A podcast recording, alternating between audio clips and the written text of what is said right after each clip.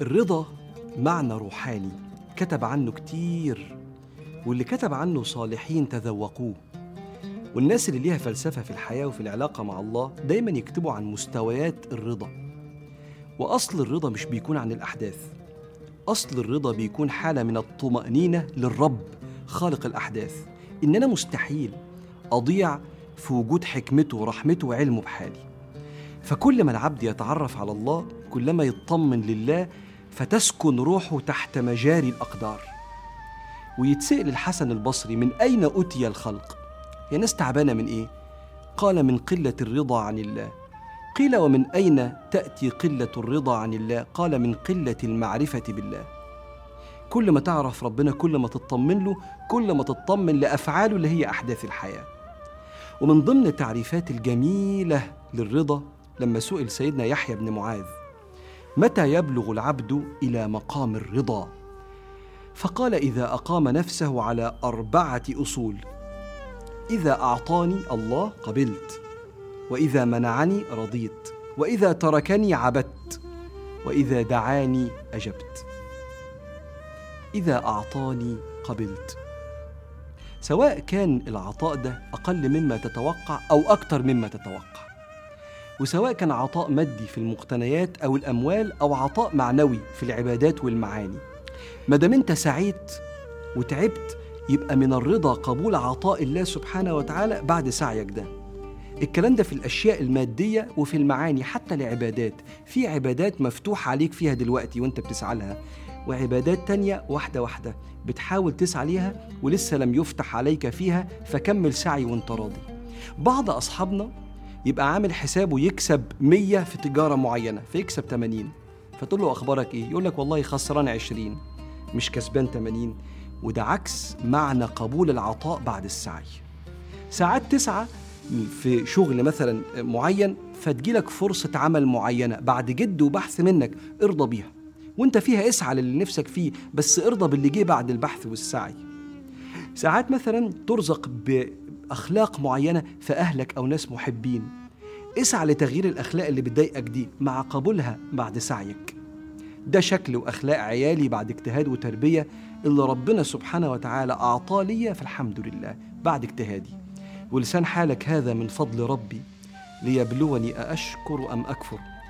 ومن, يش ومن شكر فإنما يشكر لنفسه ومن كفر فإن ربي غني كريم. يبقى إن أعطاني قبلت. بعد سعيك واجتهادك. وإن منعني رضيت.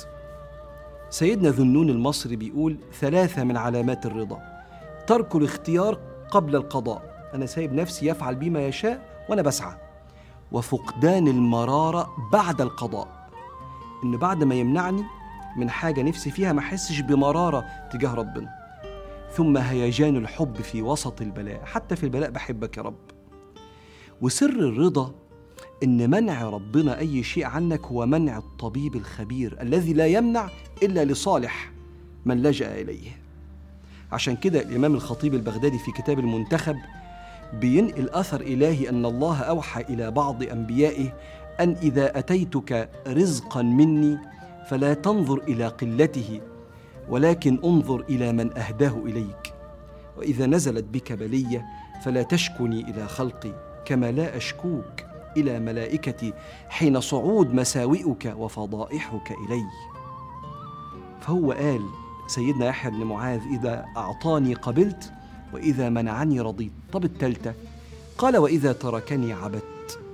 المعنى ده على فكرة لا يدركه إلا مفتوح عليه زي سيدنا يحيى بن معاذ. عارف يعني إيه إذا تركني عبدت يعني الأيام دي مش نازل عليك من الله خشوع وإقبال.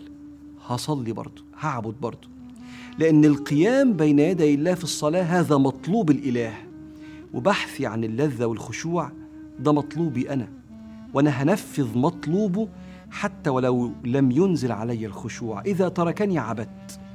وسيدنا أبو عثمان الحيري بيقول منذ أربعين سنة ما أقامني الله في حال فكرهته وما نقلني إلى غير فسخطته. مطرح ما تحطني أنا راضي يا رب. مننت علي بالخشوع هعبد. ما كنتش خاشع برضه هعبد. هعبد في المرض وهعبد في الصحة. الذين يذكرون الله قياما وقعودا وعلى جنوبهم في كل الأحوال. فإذا أعطاني قبلت وإذا منعني رضيت وإذا تركني عبدت. وإذا دعاني أجبت. يعني إذا دعاني لعمل الخير وغوث الناس. فأنا عارف إن المحتاج اللي ربنا حطه في طريقي ده ده نصيبي اللي ربنا بعته لي وبيدعوني لإكرام هذا المحتاج. فمن الرضا بعطاء الله الرضا بالمحتاج اللي ربنا بعته. لو كان في القدرة وميسور إن أنا أكرمه ولو ما قدرتش أكرمه أرده كما كان يفعل سيدنا رسول الله بميسور القول.